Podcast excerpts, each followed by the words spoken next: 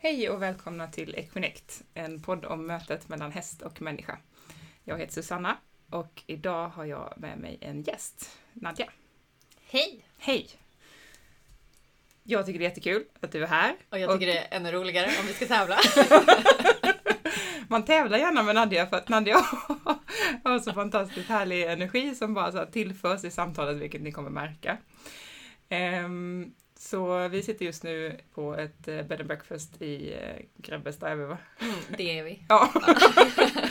Eh, Bohuslän, vi ska ha kurs eh, hos Emelie Kajsdotter i, i helgen. Mm. Och det är också så du och jag har träffats, eh, Ja. fast vi båda är kursdeltagare. Mm. Eh, Vill du bara kasta oss in i ditt liv en stund och berätta vem du är? Ja. Det är jättesvårt tycker jag. Mm. Alltså just för att det, inte för att det är svårt att säga, utan det är för att jag har så mycket att säga. Så det är svårt Ja. att veta var ska jag börja och vilken ände, vad är det relevant liksom. Men eh, jag lever inte med hästar till vardags. Tycker jag är relevant att säga i det här sammanhanget. Mm. Eh, Jag är uppväxt med ridskola. Eh, och Jag har jobbat på en eh, ranch i Karibien som tourguide. Eh, Och samma historia egentligen utspelade sig att det blev mina bästa vänner. Mm. Eh, Jag insåg att livet var orättvist och jag kände mig maktlös för jag kunde inte förändra någonting. Eh, Så att jag valde då två gånger att ställa mig utanför hästvärlden. För jag kände att jag kan liksom inte... Jag vet inte hur jag ska vara, jag vet inte hur jag ska existera i det här sammanhanget. Och eh, jättefin grej egentligen nu. Så här, för 2011 då var jag då på den här ranchen i Aruba. Eh, och jag var så jävla förbannad över allt. Så jag började skriva på en bok. och jag visste när jag skrev den att jag inte hade fortsättningen. Men jag önskade att jag skulle få leva för att kunna ge ett perspektiv. Så Nu början av, ryser jag fast det är 30 grader varmt den här gången. så början av boken är liksom så här. Här kommer jag in på ridskolan fylld av kärlek och glädje. Jag ska få träffa hästar och lära mig att rida. Och det övergår i maktmissbruk och våld. Mm. Och jag är bara liten och sitter och så gråter i mitten av manegen för att jag vågar ingenting och är rädd för allting och tycker att det är sjukt. Liksom. Ehm, och så sitter jag på Aruba och skriver om alla orättvisorna och hur jag upplever det och hur arg och ledsen jag är. Och jag vet att jag kan inte fortsätta skriva för jag vet, jag har ingen, jag har bara klaga, jag har ingen lösning liksom. Och sen några år senare så får jag vara i ett sammanhang där jag får ett annat sätt att vara med hästarna. Ehm, så nu idag så verkar jag bland annat som djurkommunikatör och får åka ut och träffa folk som lever med sina hästar. Och jag får bidra med perspektiv som jag saknade då. Ehm, och det är otroligt fint och det är väldigt läkande för mig. Ehm, men jag skulle om jag fick möjligheten idag att leva på en gård med hästar så vågar jag inte det än. Jag har mycket läkning kvar innan jag skulle våga ta det steget. Och för mig blev det också då väldigt snabbt... Eh, alltså du blev ju en väldigt, vad ska man säga, stark symbol för mm, alltså det här att våga stå kvar. Mm. För jag förstår att du kommer också från prestationsångestbiten och ifrågasätter liksom så många val, så många beslut, så många tankar, så många handlingar. Men du står kvar Mm. och fortsätter att läka i det sammanhanget och hitta nya vägar. Och det är för mig läkande att bara få bevittna. Och Mm. också som ur ett så företagarperspektiv, att våga så stå i det och bjuda in fler. Mm. Så att det så många spännande trådar här. Visst är det. Och en, och tack. Och en fantastiskt spännande tråd är ju att jag går en helt underbar kurs för dig just nu i intuition. Så jag tänker också att det här eh, poddavsnittet ska jag också så här mjölka ur dig lite så här hacks kring intuition, för där är du verkligen så här mästarinna. Vill du berätta lite om ditt intuitionsarbete? Ja, det är också så jättespännande för mig att få sätta ord på det. Mm. För det är så otroligt abstrakt. Och sen så kommer jag också från en föreställning eller blockering om att jag är sist med att förstå allting. Åh, okej. Och då blir det också så här. Jag kommer i så här, jag vill inte fördumma min omgivning med det jag har att ge för jag tror Mm. att jag är sist. Just det. Men jag säger, jag, kan, ja, jag kan relatera till den. Ja, så tankevurpa kan man kalla det. Ehm, men intuitionen för mig, det är egentligen att komma tillbaka till mig själv och förstå vem jag är. Och i förhållande till hästarna så har det blivit väldigt mycket alltså att våga längta, våga drömma, våga vilja någonting. I den spirituella och andliga resan är det väldigt mycket överlämnande till universum eller till Gud och lita på att de löser allting. Vilket jag också tror på. Men jag vill verkligen ge oss ännu mera plats i att Fast jag vill någonting, jag vill uttrycka någonting, jag vill känna någonting, jag vill uppleva någonting. Och det behöver inte bara vara liksom, härliga saker, det kan också vara lite destruktivt. Att man får bara leva ut alla delar av sig själv. Nadja är innovatör. Om... Ni har lyssnat på flockavsnittet så ja. ja, och det hade jag ju aldrig gissat när jag började Hade du inte det? Nej, Oj. visste inte vem jag var för fem Nej. öre. Alltså jag tänkte så här, "Åh, kanske omhändertagare eller healer eller ja, något sånt där. Och då kommer vi osökt in på det vi pratade lite grann om innan, om våra mentorhästar. Mm. För när jag såg, jag tror så här, första helgen när jag kom till Emily, då hade jag inte läst hennes böcker. Jag visste knappt vem hon var. Jag hade bara haft ett så här inre kall, min intuition som sa, Mm. gå den här utbildningen eller dö. Alltså på den nivån. Ehm, så efter första helgen så fixade jag hennes böcker och jag läste dem. Och så i en av bilderna ser jag en häst som jag tänker så åh, tänk om jag får träffa henne. Och så helgen efter så står hon där i en hage. Och hon har en, kommer inte ihåg vilken roll, hon hade kanske riskbedömare, alltså väldigt så, har koll på allting samtidigt. Mm. Och samtidigt som hon har det jobbet så har hon också en dotter som jag ser är lite störig. Och jag är själv småbarnsmamma och just 2018 som det här var, det var ett otroligt tufft år för mig. Eh, Så jag frågar henne, "Men hur orkar du? Vad gör du? Och hon bara, så här, iskall, fördelar energin. Mm. så ger inte mer än vad jag behöver någonstans. Mm. Och det, det var väldigt så sant. Men sen då, hon är liksom lite till höger om mig. Och så kollar jag rakt fram och där står hennes dotter och tittar mig rakt i ögonen. Mm. Och i sekunden så inser jag att allting som jag trodde var dåligt med mig själv är hon, fast hon är det som någonting bra. Åh! Åh! Mm, så där vändes mitt liv upp och ner. och helt plötsligt var jag tvungen att ta all den plats som jag egentligen ville ta. Men anpassat mig. Ah, du gjorde inte det innan? Mm, Alltså, I vissa sammanhang kanske. Okej, ja. Men till exempel anställd inom kommunen. Ja. Eh, folk har jobbat där länge, är trötta på sina liv. Väldigt många av dem faktiskt. Mm. Eh, så kommer någon som är glad och tar plats och skojar och skrattar och Mm. snackar skit. Äter sallad. Det var ett Mm. väldigt stort problem att vara vegan eller vegetarian där i det sammanhanget. Jag fick höra att människor har inte fyra magar som kor så vi ska inte äta gräs. Nej. Och det var liksom fullt seriös Ja. samtalsdialog. Liksom. Ehm, jag har eh, utländskt påbrå. Så jag har också väldigt mycket anpassat mig för svenskheten och eh, olika rasistiska tänkanden och hej och så det, på, på så många plats, Mm. Eller platser har jag förminskat mig själv. Och då står Celeste där och bara Det är inte ditt problem om du triggar andra. Mm. Snarare är det en gåva för då får de en chans att möta sig själv. Mm. Så från den punkten så var jag tvungen att placera mig i olika sammanhang där jag darrade som ett asplöv, livrädd för vad omgivningen ska tycka, tänka eller säga. Men stå kvar och inse att jag dör inte. Mm. Det enda som händer är att jag blir starkare och det blir lättare att vara jag, jag blir roligare, gladare, finare mamma. Liksom, livet blir härligare, Mm. önskningarna kommer snabbare, jag får vara mig själv. Liksom. Eh, Och innan har jag upplevt det som att jag- har en liten hundvalp som bor inom mig som studsar. Mm. Men nu får jag studsa med hela mig. Liksom. Så, ja. Så jag vet inte ens vart vi började. Ja, i men det var hela, alltså det var lite grann Vem- du är. Mitt, ett av mina så här, defining moments med, med dig eh, var på, på, jag vet inte om det var första eller andra året på kursen. Vi blev tilldelade en häst. Andra eh, året. Ja, Mm. tussen. Mm. Eh, som är eh, huvudprovokatör i Emelies, av Emelies hästar. Och det som ska sägas om Emelies hästar är ju att eftersom de tillåts vara fria, har gått igenom sin frigörelseprocess, så är de ju också ganska vilda. Det är inte så att, det är inte så att man bara går in, som i en vanlig hage så kanske man går in och känner sig ganska trygg. Det kan man inte göra där. Vi, vi har liksom anfallare där som, som man behöver passa sig som människa. Även Emily blir ut, utjagad ur hagen där ibland. Och tussen då, den här hästen som är ett vitt eh, kallblod, eh, kraftig individ, eh, han älskar ju kaos då.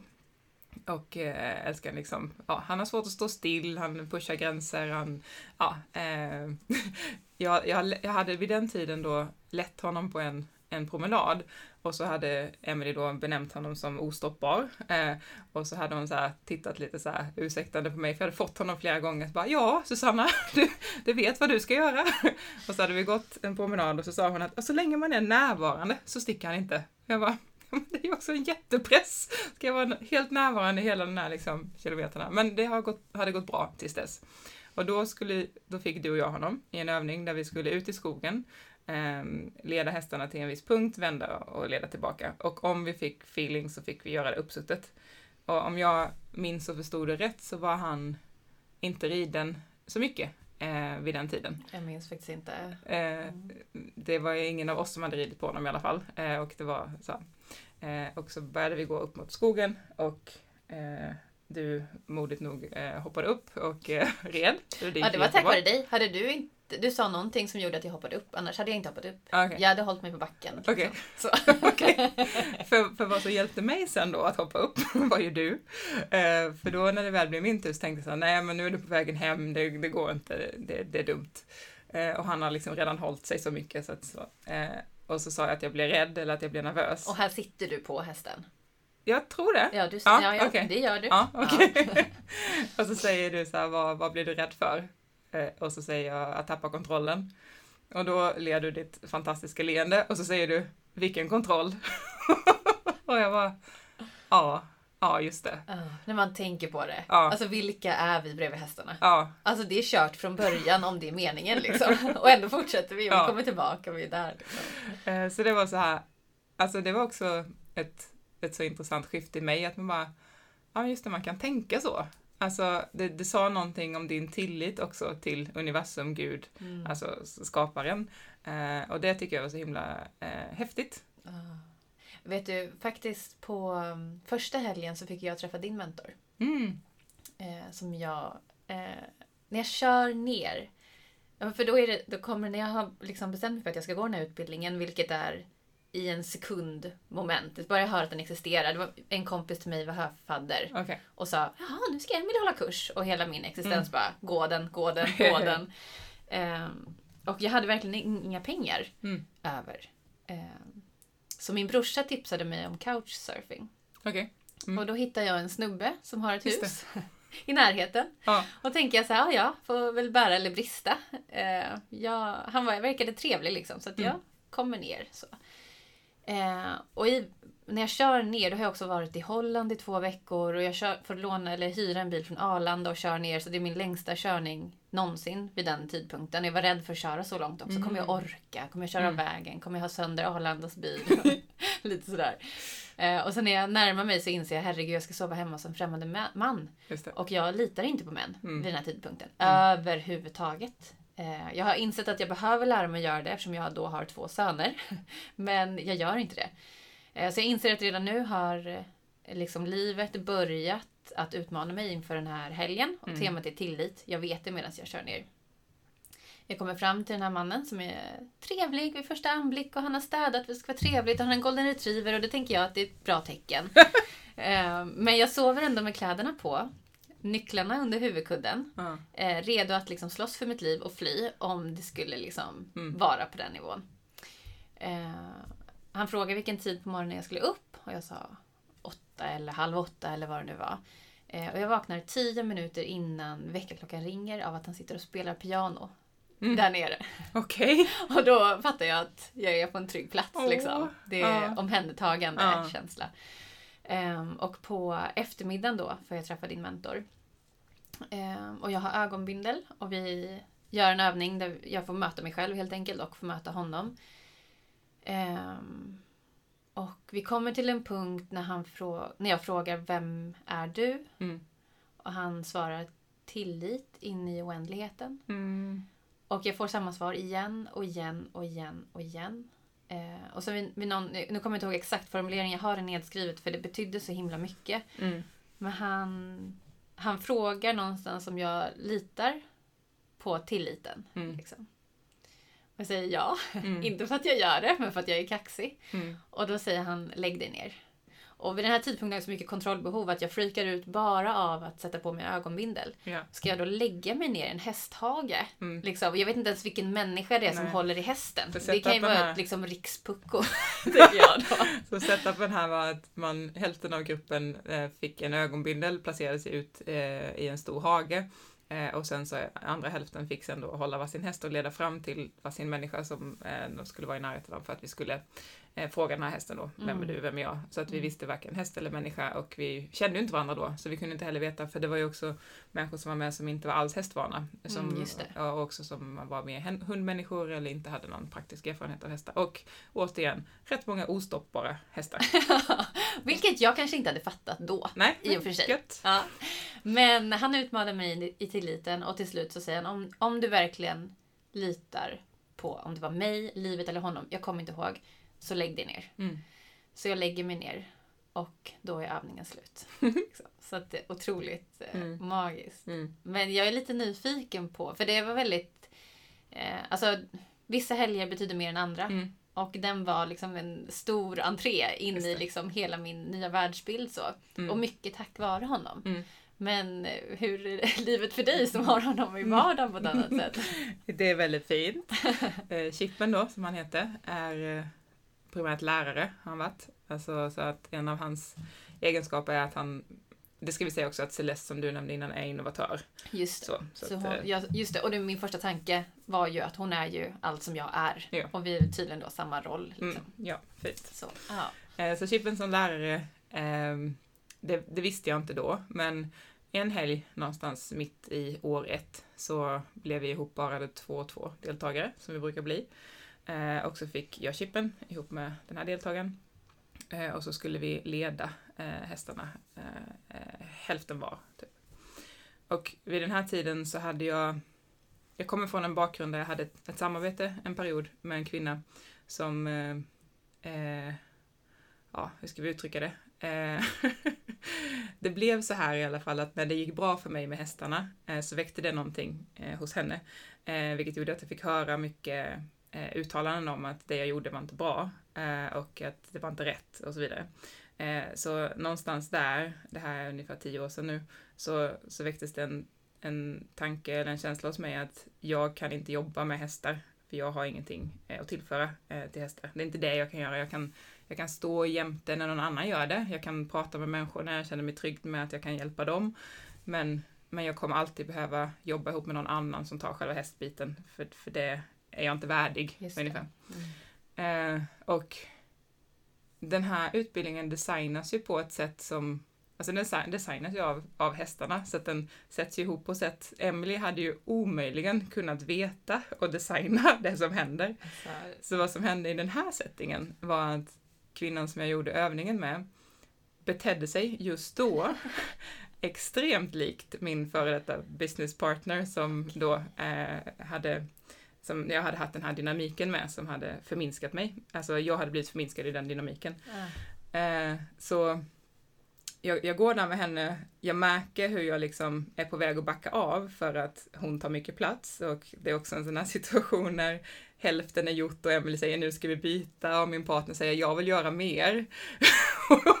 kände så här, ja det får du väl göra då. liksom.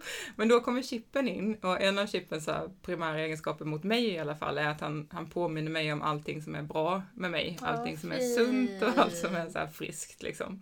Mm. Eh, så han liksom bara så här, nej men vet du vad, du, du ska få göra det här med mig nu. Det är inte rättvist att, att du stiger bak bara för att någon annan liksom inom situationstecken skriker högre i den Mm. situationen. Eh, så då, då stod jag upp för det. Eh, och det som var så bra designat, jag har inga agg mot den här människan ifall du nu lyssnar, är att hon gav sig inte i den situationen. Vilket var jättebra för det liksom tog mig tillbaka ännu mer till att det var så svårt för mig att stå upp för mig själv i förhållande till den andra personen längre tillbaka i tiden.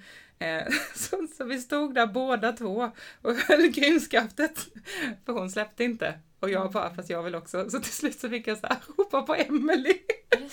Ja, det är sant. Jag bara, ja Emily, jag känner att jag, eh, liksom det var byte nu och jag känner att jag skulle vilja liksom göra det här nu. Och hon bara, ja men det är byte nu. Liksom. Ah. Så. Eh, Men det var perfekt! ja, För hade pe- personen i fråga, alltså den här, vår kurskamrat, jag vet Ja. inte vem det är nu, nej, men hade hon inte gjort så, Mm. då hade ju inte du fått Precis. möta det här hos dig. Så Precis. det är så vansinnigt perfekt. det är helt fantastiskt. Och, och när jag sen gick och ledde chippen och hon var i närheten så var det ju fortfarande liksom, jag, jag kände hennes känsla av att det här väckte mycket hos henne. Eh, och det är så lätt för mig som en medberoende personlighet och liksom så, att hela tiden känna in andra, att tänka att ah, ja, hennes upplevelse är svårare här så att jag, Mm. sätter mina behov åt sidan. Mm. Eh, men det var någonting i chippen som gjorde att jag inte kunde göra det. Utan han bara, fast det här är viktigt Susanna, du och jag går här nu. Mm. Eh, det är helt okej att du får den här tiden Mm. med mig. Eh, så på något sätt så kunde jag, och det hände massa saker under den promenaden som var igen, eh, väldig replika av hur relationen mell- mellan mig och den före detta eh, kompanjonen var. Eh, så att om och om igen fick det bearbetas och om och om igen så tog han Mm. mig tillbaka till det sunda, det friska, att jag förtjänade. Liksom. Gud. Jag vet. Eh, så efter den promenaden så var det liksom som att jag var så mycket lättare och jag kunde se... Men vänta, paus, stopp. Ja! Är det lite så här belöningsbaserad träning som han gör med dig? ja. vad, ska, vad ska vi förstärka? Liksom så här. Ja, jag vet. ja, vad fint. Det är så kul! Ja, men vet du vad jag insåg i bilen på vägen hit? För jag tänkte på att jag ville fråga dig en Celeste Ja. och så tänkte jag på att ni är så lika. Och så tänkte jag så här, Chippen och jag är inte så lika. Och, och sen bara, men Susanna, vad är liksom typ feedbacken du får av alla? Det är typ så här, ja men vad fin du är som säger allt som är bra med mig. Mm. Eh, och så typ alla pojkvänner som säger, men hur kan du se allt det här ljuset i mig? Jag ser Just inte det det. själv. Ja. Jag bara, hmm, okej. Det kan, kan, jag insåg det här, alltså jag, han har varit min mentor i två år. Jag insåg alltså för en timme sedan att kanske eventuellt så gör vi lite samma sak Ja, när vi möter. tror, det låter ju som När det. När du, ja, för jag lyssnade på förra poddavsnittet igår om positiv förstärkning och hela Mm. den biten. Vilket är en ny värld för mig, Mm. ish. Liksom. Mm. Eh, och det du berättar nu vad chippen gör för dig, det Ja. låter ju som det som ni pratar om. Vad fint, jag tänker hade jag. tänkt på det. Ja, så väldigt, eh, men en väldigt förstärkande individ att vara nära, just för att Mm. han, han hjälper mig att ta fram det som är friskt och bra och eh, ja, men härligt helt enkelt. Ah, Så underbart. han är en nice eh, individ att ha runt sig. Ja, jag kan tänka mig det. Jag Mm. älskar när ni hamnar i så modes, när ni båda två... Alltså det är också så här, jag tror du Golden gör det också, ni bara Ja. ligger ner bredvid varandra. Ja, Alltså jag tror aldrig det kommer hända att jag och Celeste ligger sannolikt ner någon- inte, men, men det är också men det är ju också andra individer. Liksom. Ja men verkligen. Däremot så kommer inte Chippen och jag hoppa runt och, och greja med saker så som du och Celeste Alltså gör. jag ser ju framför mig att om jag någon gång kommer sitta på Celeste, hon blir fyra i år, Ja, jag vet inte när man ska rida in henne. Jag tror Mm. hon är väldigt intresserad av det. Ja, Men jag ser framför mig att om jag sitter på hennes rygg, då kommer det vara liksom backflash till när jag var liten och hade liksom Gotlandsruss som jag red på. okej. Eh, vi körde mycket så här västern, barrel race och Mm. barbackahoppning och alltså det var wild style. Mm. Och jag kan tänka mig att hon kommer ta mig tillbaka till den Åh, tiden. Vi ja. älskar, alltså, jag har mycket trauma från ridskolan men också väldigt mycket fina minnen. Vi fick rätt, mycket frihet, jag och några tjejer av stallägaren. okej. Så vi brukade på somrarna sätta upp eh, hinder vid strandkanten. Mm. Så vi galopperade över stranden för att hoppa ner i vattnet, bada för att galoppera och hoppa upp och liksom sådana grejer. Åh, Så det var liksom så mycket bus och frihet och glädje och Celeste kommer med väldigt mycket Ja. av det. Eh, och det är väldigt lätt, jag tror många som drar sig till dig eh, och ditt arbete kommer från det här, gud jag har gjort fel, allting är fel, och allt är katastrof och vi är sämst och som jag, jag ska, kommer jag ens ha häst liksom. Mm, mm. Allt det där. Eh, hade jag inte haft barn idag hade jag säkert ställt samma fråga, kommer jag ens ha just barn? det, just det. Skönt att höra att man kan göra den resan så. Precis. Eh, men det gäller att komma ihåg allt det fina. Mm. Och jag märker att ju mer jag läker, desto mer får det fina ta plats. Mm. Det var flera år som jag inte ens kom ihåg alla de här härliga minnena. Men de fanns ju också. Det är ju inte bara skit som Mm. människan tillför existensen. Liksom. Och vi behöver ju, jag vet all- liksom, jag pratar mycket om det här i mina, när jag håller samtal för människor, att Mm. Vi har ju vår hjärna emot oss där. Vår hjärna är ju ändå designad för att komma ihåg det dåliga. Det har varit viktigare för oss genom evolutionen att komma Mm, ihåg hot och faror och dåligheter. Det var Mm. viktigare för oss att komma ihåg att lejonen bor där borta, än att komma ihåg att Mm. här kan jag plocka smultron. Så jag har ju liksom rent så här biologiskt en större Mm. rymd i hjärnan för det Mm. negativa. Så med det sagt så betyder det inte att vi måste ha det så, utan när vi är medvetna om det så kan vi också medvetet fokusera på återigen det vi vill förstärka, det vill säga det är bra. Och det tänkte jag på nu. Jag har ju kört bil. Jag bor ju i Stockholm. Mm. Så det är en resa för mig att ta mig hit varje gång. Och det är ju bra. Mycket tid för reflektion. Annars så går ju dagarna lätt i ett. Mm. Så. Eh, Men jag fick fler eh, pusselbitar och förståelse för min inno- innovativa del. Och jag var inne lite grann på det tidigare men det vart liksom klarare idag. Och det är hur jag blivit provocerad när jag har läst så här, självutvecklingsböcker och mindfulnessböcker av att um, man, man upprepar 95 procent av gårdagens tankar och allt det. det där. Och det har stört mig så Okej. otroligt mycket. Och jag har inte riktigt fattat varför. Nej. Alltså,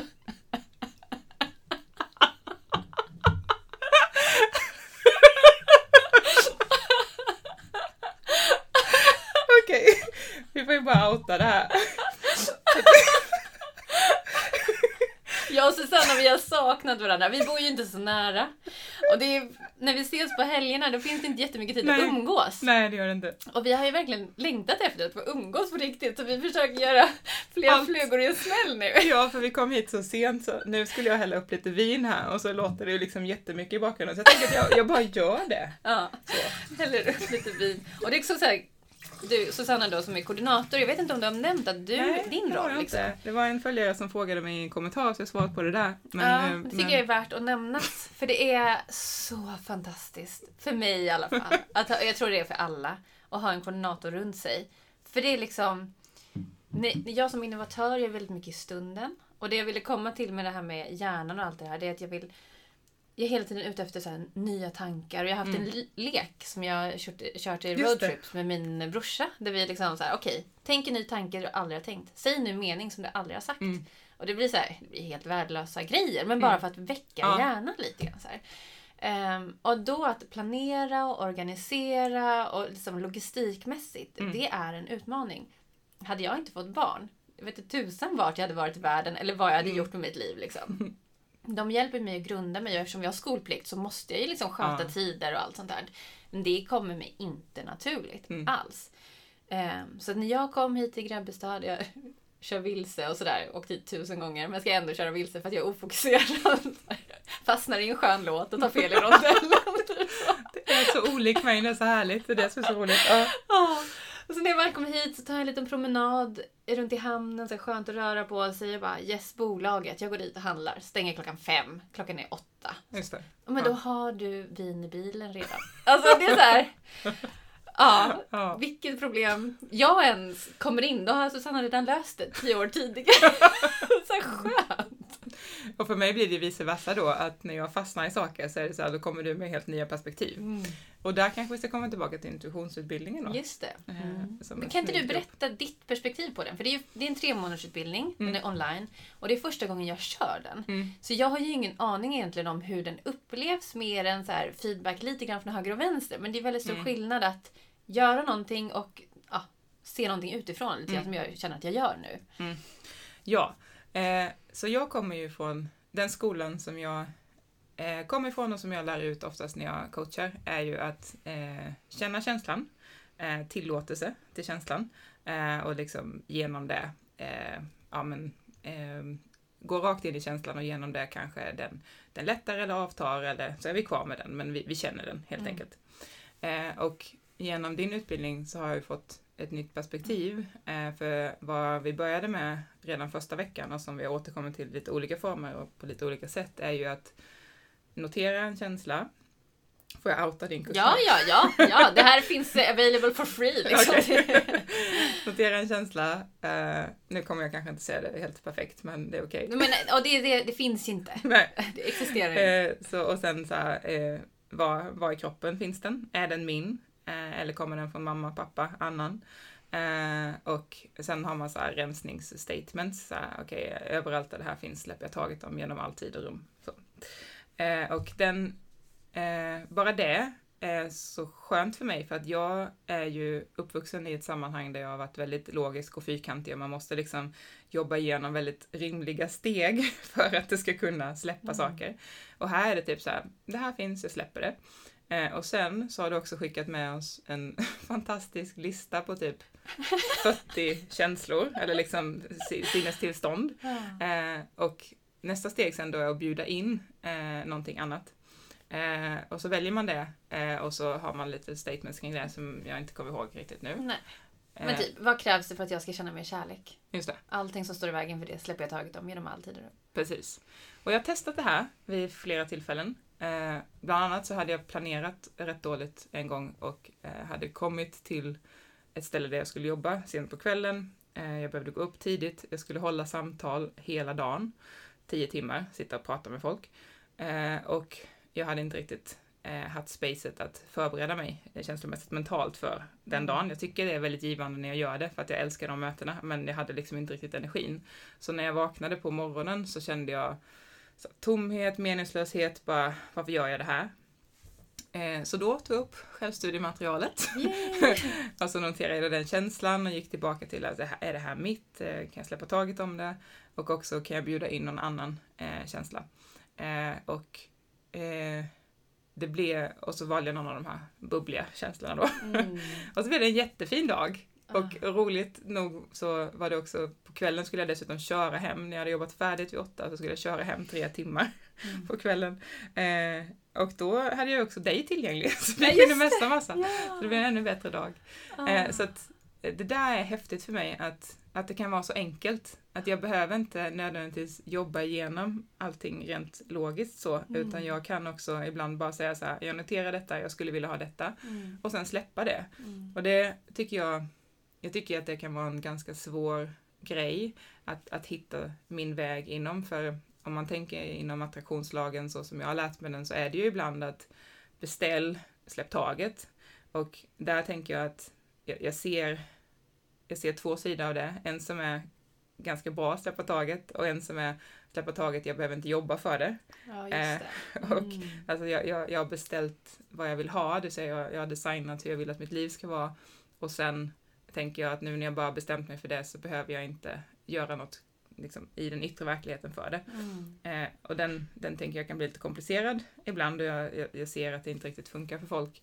Men det här tycker jag är ett så härligt sätt att, att jag beställer eh, och sen finns det ju uppenbarligen med där i mitt undermedvetna under dagen. Jag kommer ju bete mig annorlunda för jag har Mm. liksom eh, satt en, en intention för dagen helt enkelt. Ja, för hela mitt perspektiv och det har jag liksom haft med mig från tidigare. Jag kan liksom inte göra saker från ett låst perspektiv. Nej. Blir jag deprimerad, då blir jag så väldigt deprimerad. Och det, det är fast. Mm. Det är så svårt att göra någonting. Eh, häls, alltså typ så kostförändringar. Mm. Jag kan inte börja med att ta bort socker. Mm. Jag måste börja med att lägga till vitaminer. Mm. Mm. Och från den platsen har jag mer energi. Och då kanske Absolut. blir det lättare att ta bort någonting. Eh, jag har en kompis när jag bodde i Aruba som började med crossfit. Och så började hon coacha mig.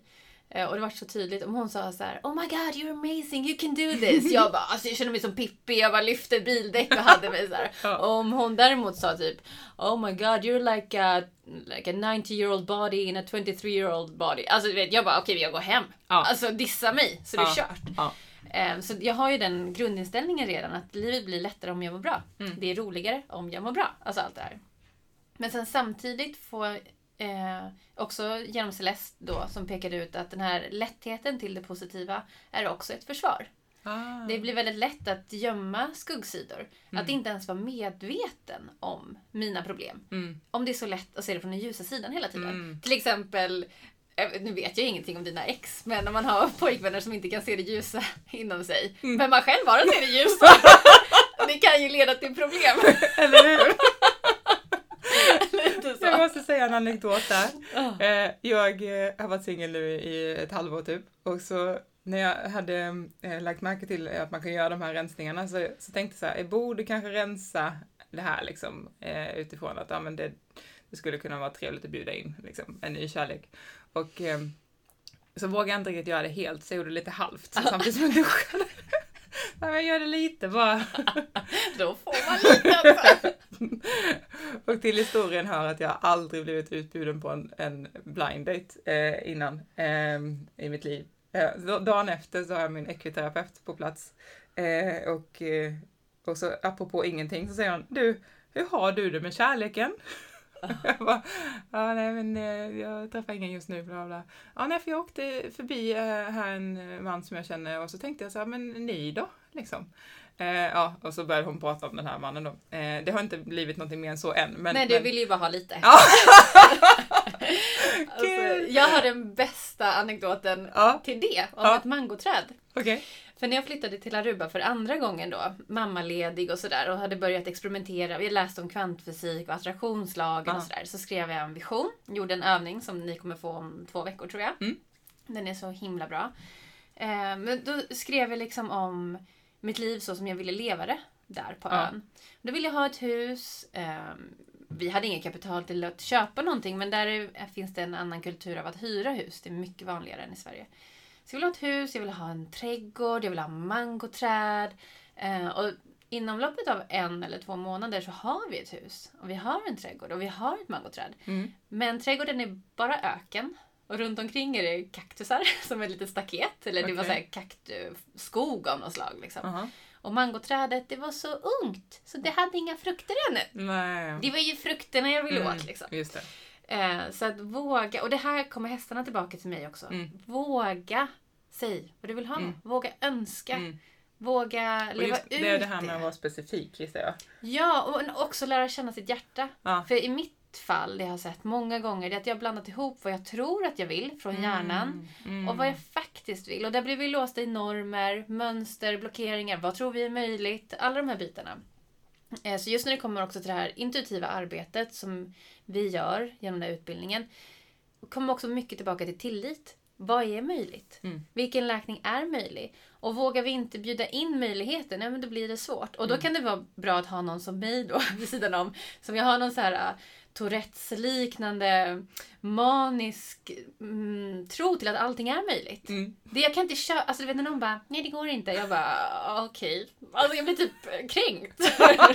alltså förut så var jag ju jobbig. Jag har ju förlorat vänner med det här också med att jag vill typ bara ruska om dem. Men man vaknar. Du kan läka. Mm. Nu tack vare Emily och det var någonting hon sa. Eh, för jag nämnde det att jag gärna vill fråga människor varför de inte vill må bättre. Ah. Och då svarade hon att de kanske inte vet att det är möjligt. Mm. Och det perspektivet har berikat mitt liv jättemycket. Så nu har jag en helt annan respekt för andras livsresa och processer.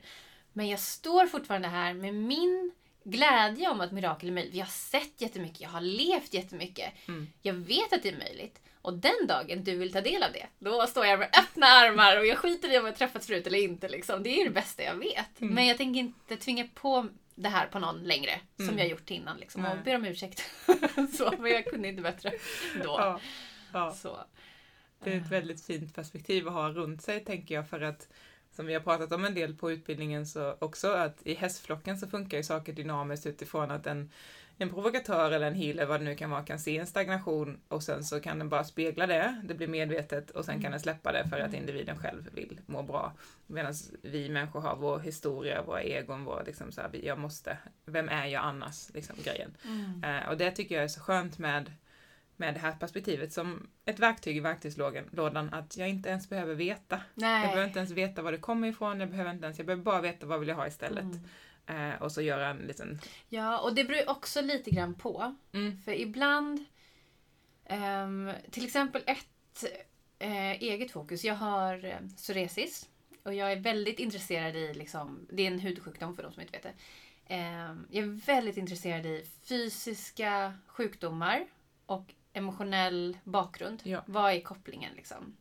Självklart, vitaminer hjälper, solen hjälper, havssalt hjälper. Men eh, vad är det som egentligen det handlar om?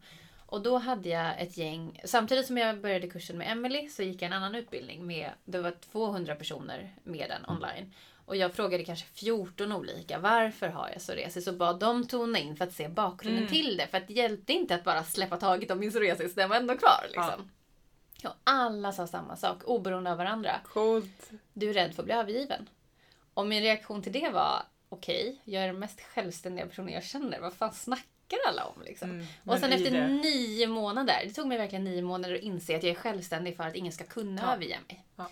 Och ehm, de som följer mig på Instagram sen tidigare vet att jag för någon vecka sedan hade katastrofalt meltdown. Mm. Och det var genom att jag insåg Mm, säger jag helt så- uppmuntrande. Ja. Men för jag, så, jag såg ju ut som sju svåra år. Ja, det Alltså- var helt sjukt vad det skiftade. Bara liksom så. Och också sen när det blev bra igen. Ja, ja, ja visst. Nej, men jag landade, jag hade haft en helg som var helt jättespännande. Men det landade i att jag förstod så mycket av mina blinda fläckar. Ja. Helt plötsligt förstod jag vidden av min rädsla att bli övergiven. Vad jag har gjort för att undvika det. eh, Hur jag har gömt mig själv. Hur jag har anpassat mig själv. Du nämnde medberoende. Jag började googla det. Alltså på alla listor Mm. som finns Mm. så kan jag pricka av varenda liten grej. Alltså det är det sjukaste uppvaknandet jag haft. Så spiritual awakening, ja det, it's hard. Alltså Ja. verkligen. Eh, men jag är inte den som är den. Så jag greppar halmstrån. Hade hört talas om någon kristallterapeut. Så jag bok- bokade en akuttid. Och det släppte jättemycket. Och vi fortsätter. Liksom, jag är inte klar på långa vägar. Men jag har helt plötsligt blivit medveten. Så nu kan jag fånga mig själv då. I en stund av, men vänta nu, nu, nu vacklar jag. Nu börjar jag tappa mig själv. Vad vill jag i det här? Då kan jag liksom använda mina verktyg, bjuda in ljus, öppna mitt hjärta, be om att förstå vad det är jag vill och sen agera utifrån det. Ehm, Så det är inte jättelätt. Och ibland tar det tid att fatta. Men hade jag inte gjort allt arbete innan kanske inte det här hade visat Men sig. precis, Liksom. det är ju lager. Det också. Skönt Så. är väl det, så vi slipper få allt på en gång. ja, men verkligen. Och jag tänker också för oss som jobbar med människor och djur. Mm. Det är så viktigt att vi hamnar i de här kriserna. Mm. För att komma ihåg hur det känns. Hur läskigt det är att möta sig själv. Ehm, Ja, hur mycket man famlar i det.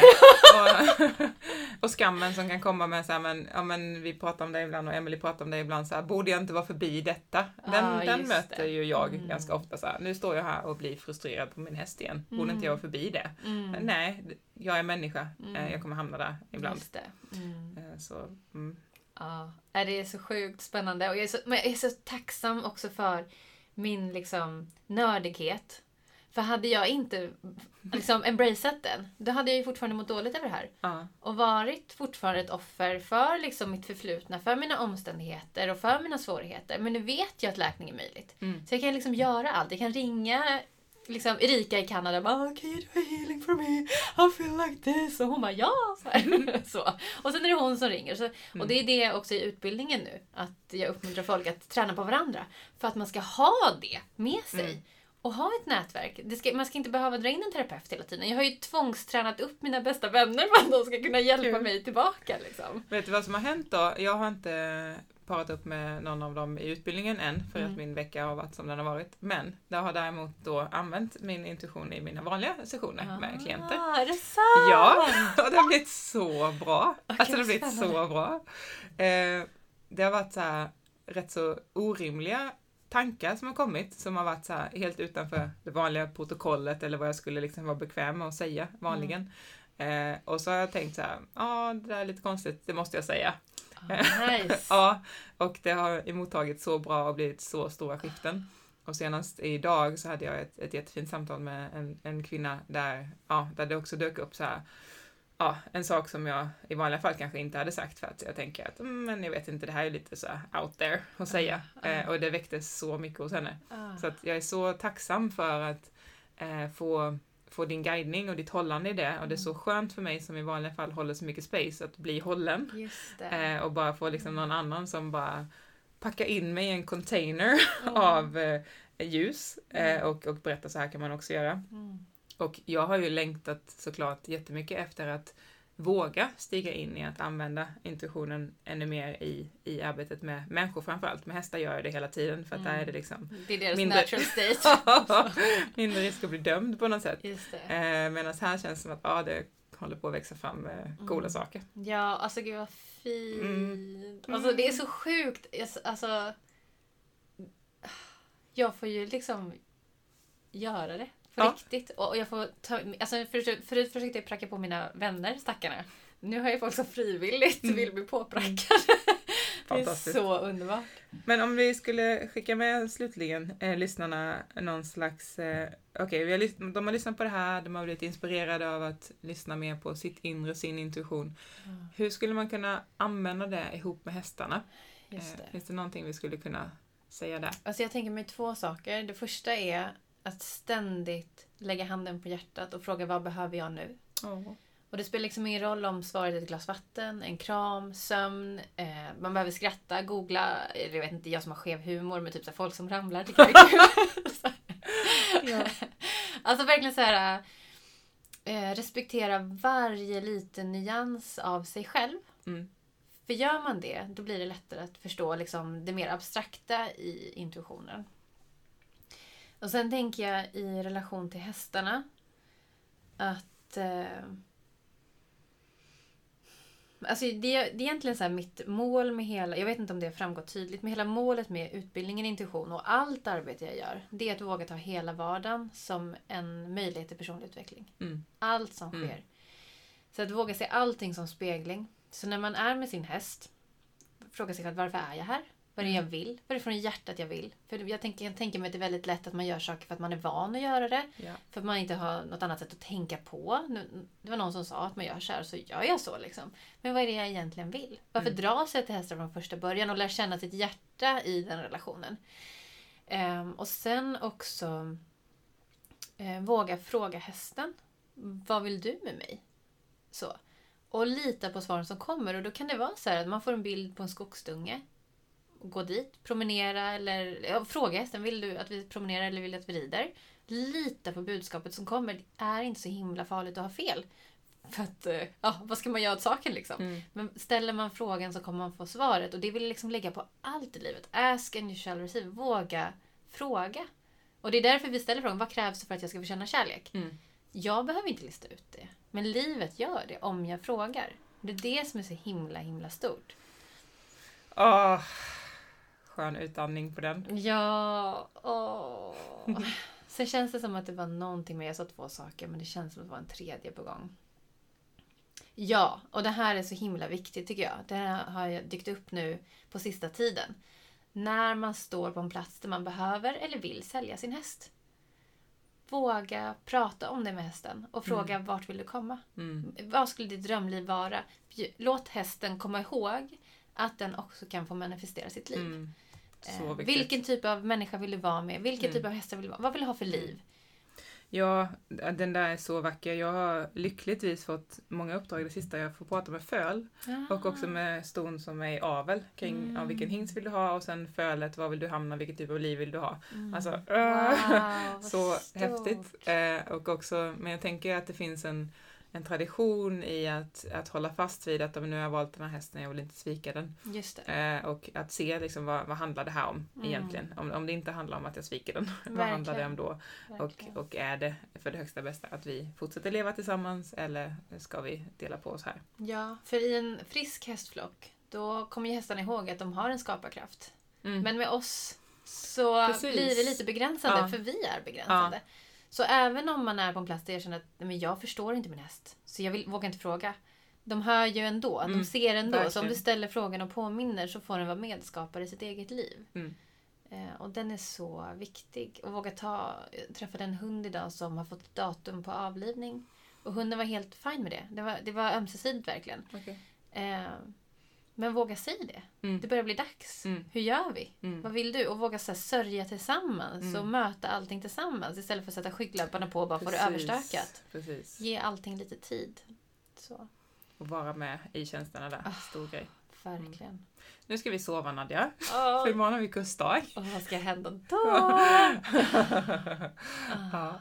ja, så fint. Jag känner bara spontant att jag vill ha med dig massa fler poddavsnitt. Ja, men alltså jag kan ju så mysigt. snacka på. Så bara, Okej, sista tillägg. Det här, eller det blir två. När jag var liten och skulle gå och lägga mig. Då hade jag alltid så här, höll låda så att mamma skrattade och glömde bort tiden. Liksom. det. Så, Mm. Dels det, å- återspelar sig här och nu. Ja. Och sen hade jag alltid så här radioshower i duschen.